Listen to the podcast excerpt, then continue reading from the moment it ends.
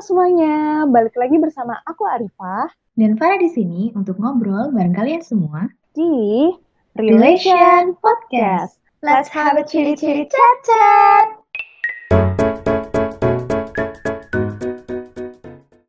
Halo semuanya, balik lagi di Relation. Kali ini kalian bakal ditemenin sama aku Arifah dan kita bakal kedatangan bintang tamu yaitu Erika.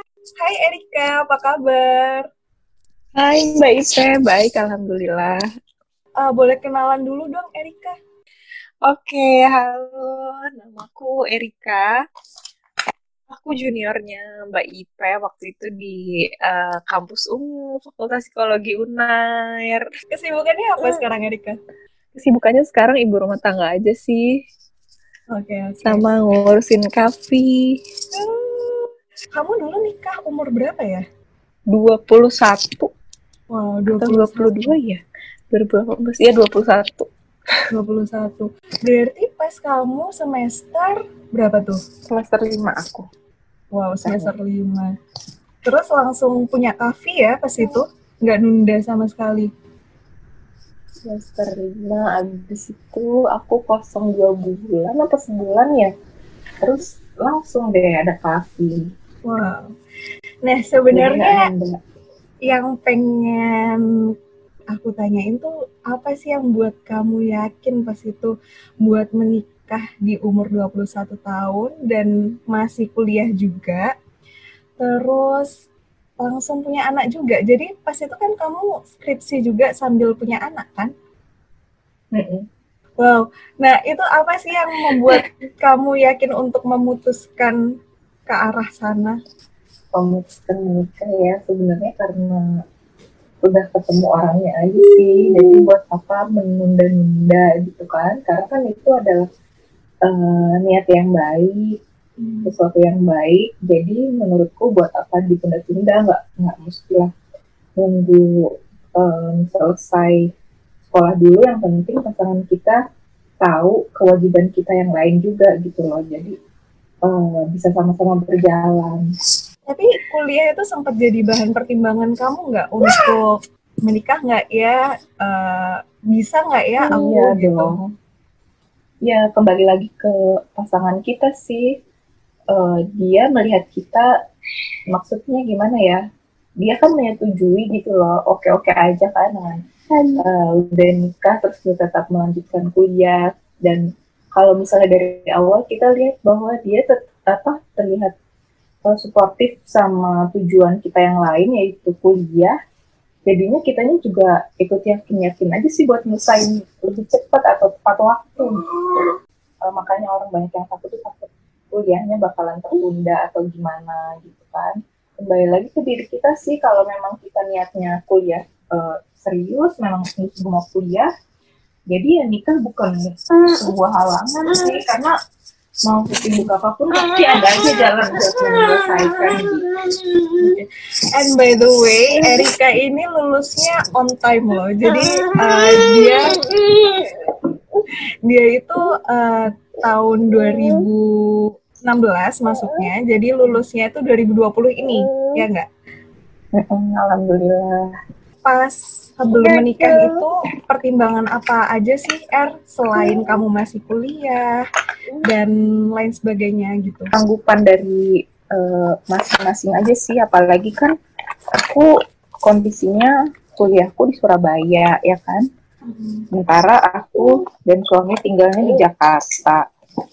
Jadi ya melihat dari kesanggupan kitanya juga gitu loh.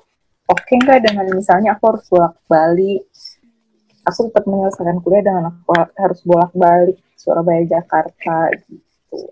Lama kamu seberapa sering uh, bolak-balik Surabaya Jakarta dulu? Waduh, sempat sering banget yang sampai seminggu sekali kali. Wah. iya, okay. karena meskipun waktu itu tahu pas hamil kafi, cuman kan emang pengen banget sebenarnya buat selesai tiga setengah tahun. Hmm jadi meskipun pas tahu hamil, aku tetap uh, padetin SKS-nya kan.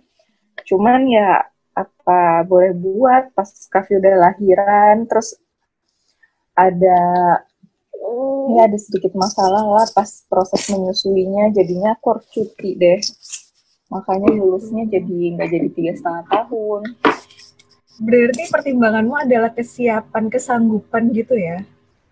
Apakah kamu sanggup dengan segala konsekuensi setelah menikah? Yaitu kamu harus bolak-balik. Selain itu apa lagi sih yang kamu pertimbangin? ya yang dipertimbangin pastinya kesiapan suami juga karena kalau misalnya dia siap kita juga pasti nggak akan ada banyak kendala kan kalau misalnya akan ada sering uh, pulang pergi ke Jakarta, Surabaya gitu, kalau sering ditinggal-tinggal, jadi dia juga karena kalau yang ditinggalinnya misalnya kurang bisa terima atau gimana kan pasti kita yang menjalankan juga akan berat kan. Terus ada nggak sih kayak expectation sebelum menikah?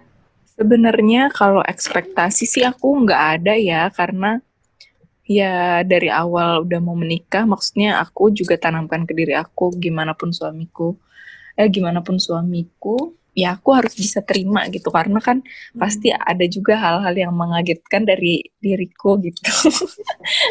Buat suamiku. Jadi lebih ke toleransi aja sih.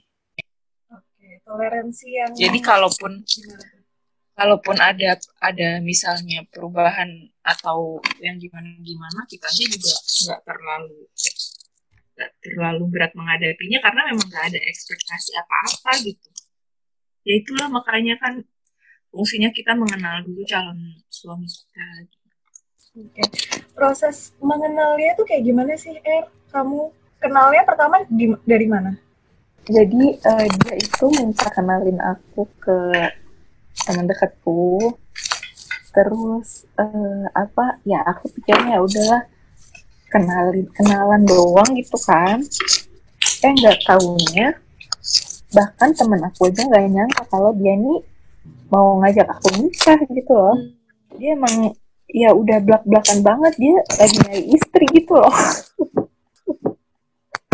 Oke oke. Okay, terus aku sempet gimana ya namanya aku langsung bilang lah ke mamaku kan nah ini orang aneh banget kok mau ngajakin nikah gitu.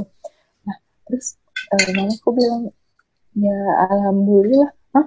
alhamdulillah? Kan aku juga jadi aduh maksudnya cuman kan kita juga nggak bisa seuzon kan sama orang.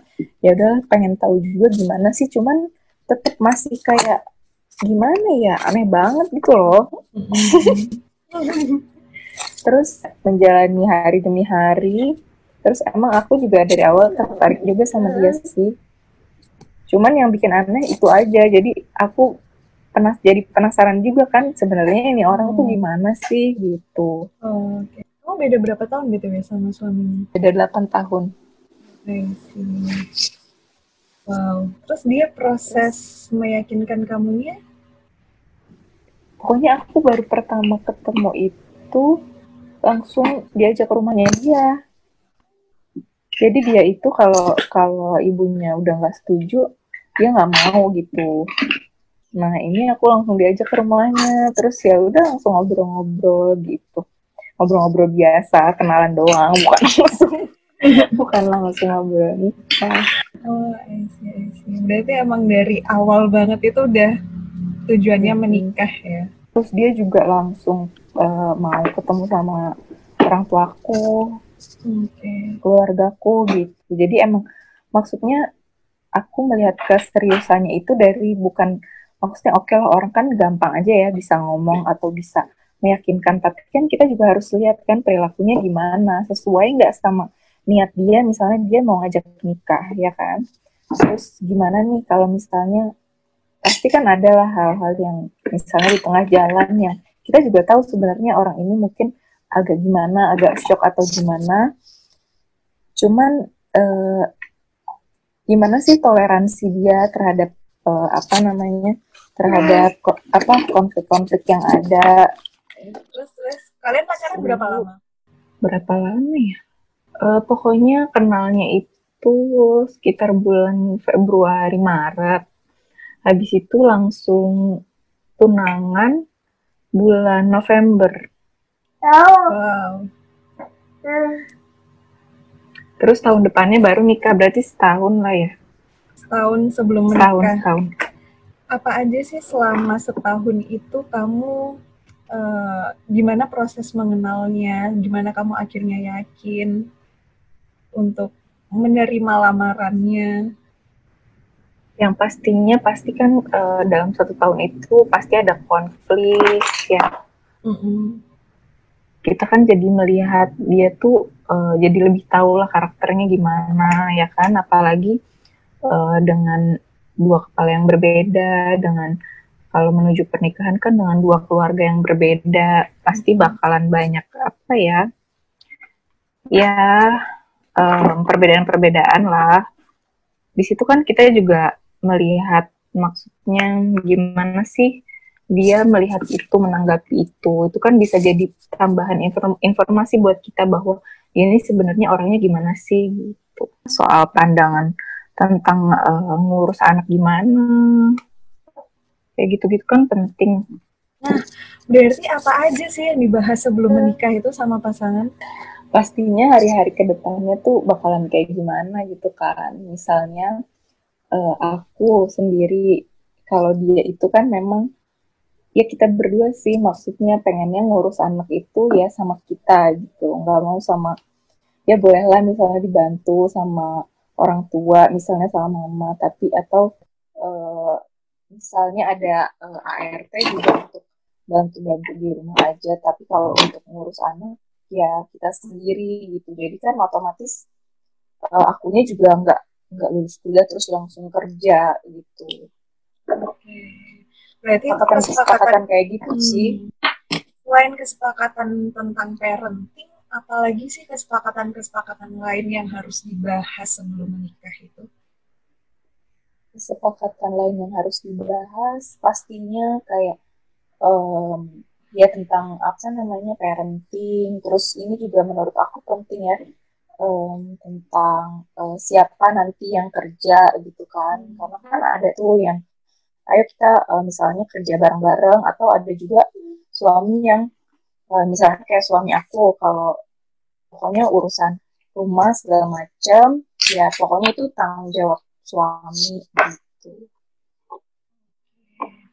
Berarti eh, kalau masalah uang gitu, Er pernah dibahas nggak sih selama sebelum menikah?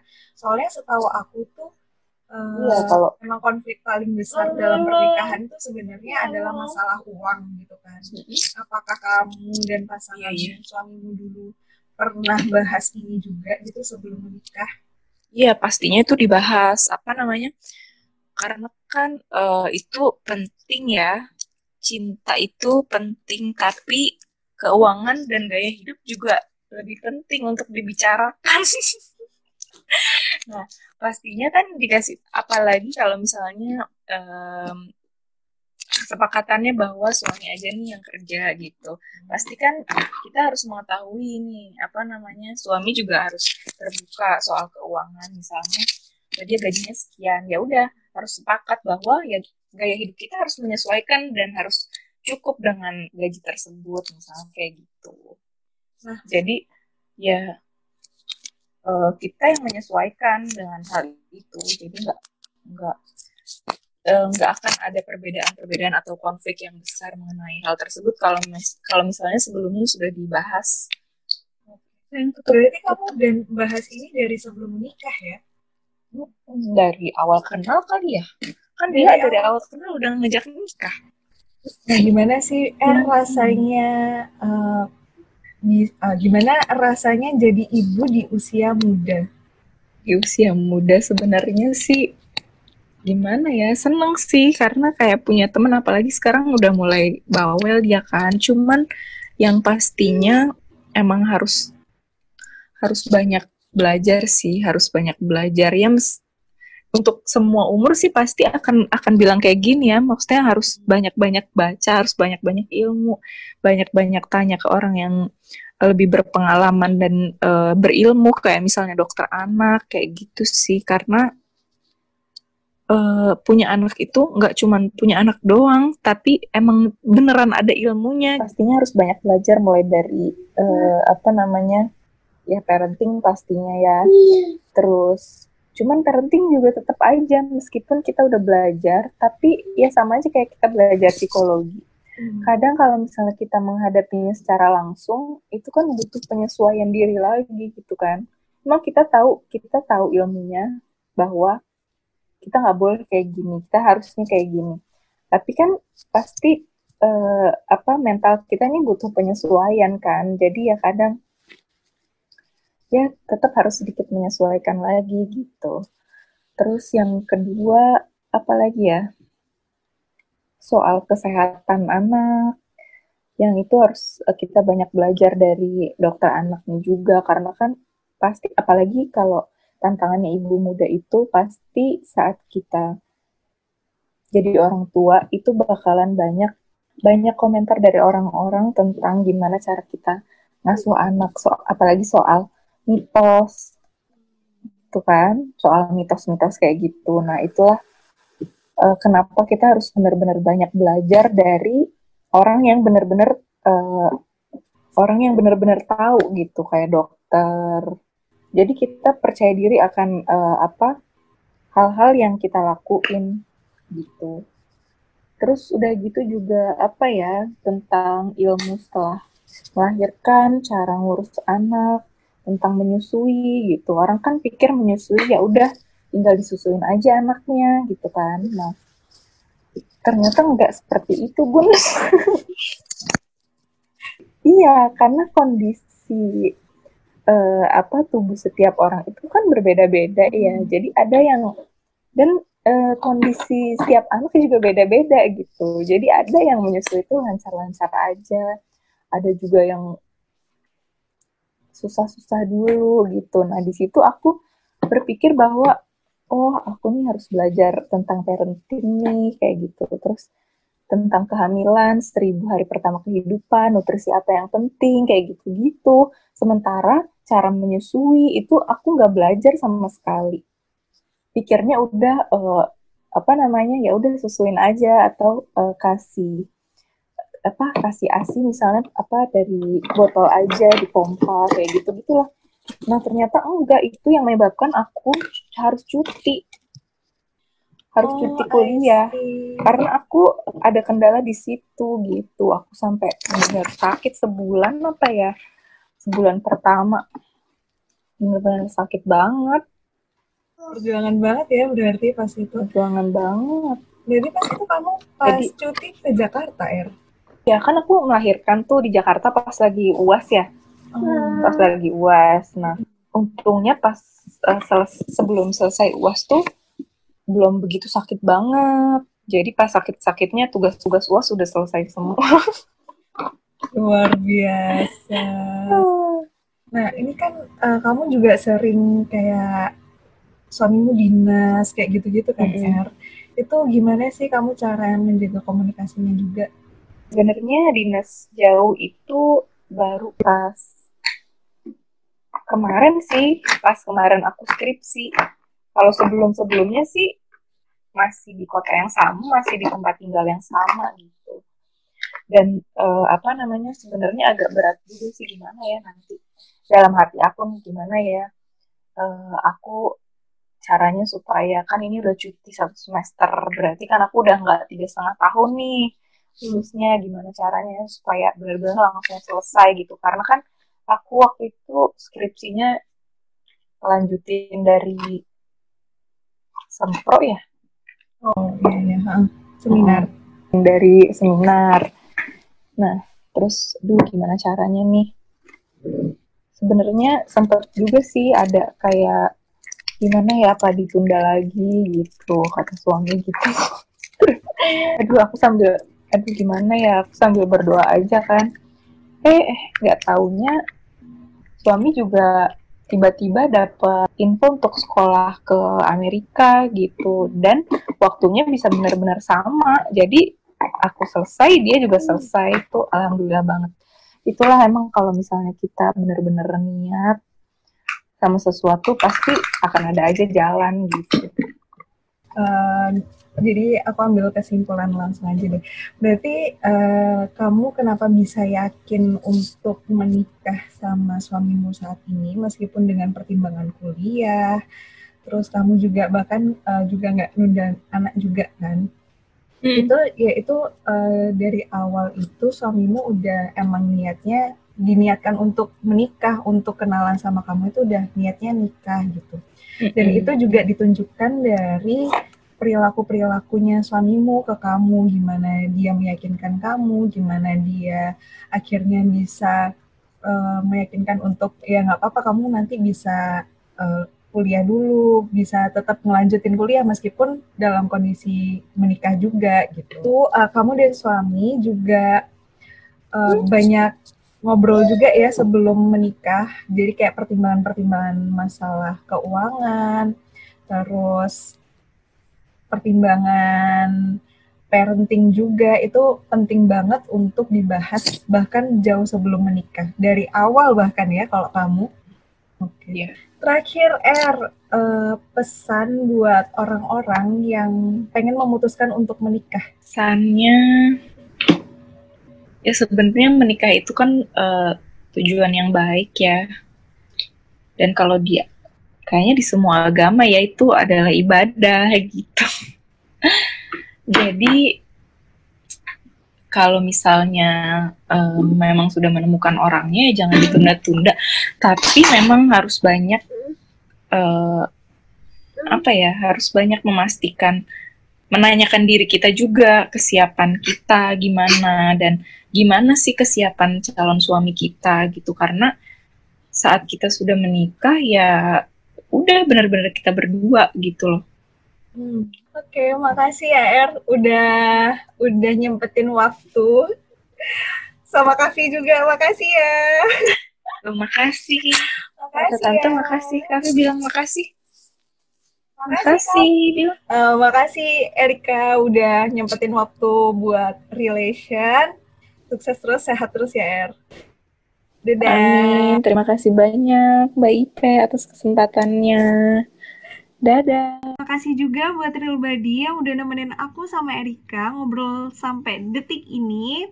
Sampai ketemu lagi ya di episode selanjutnya. Dadah!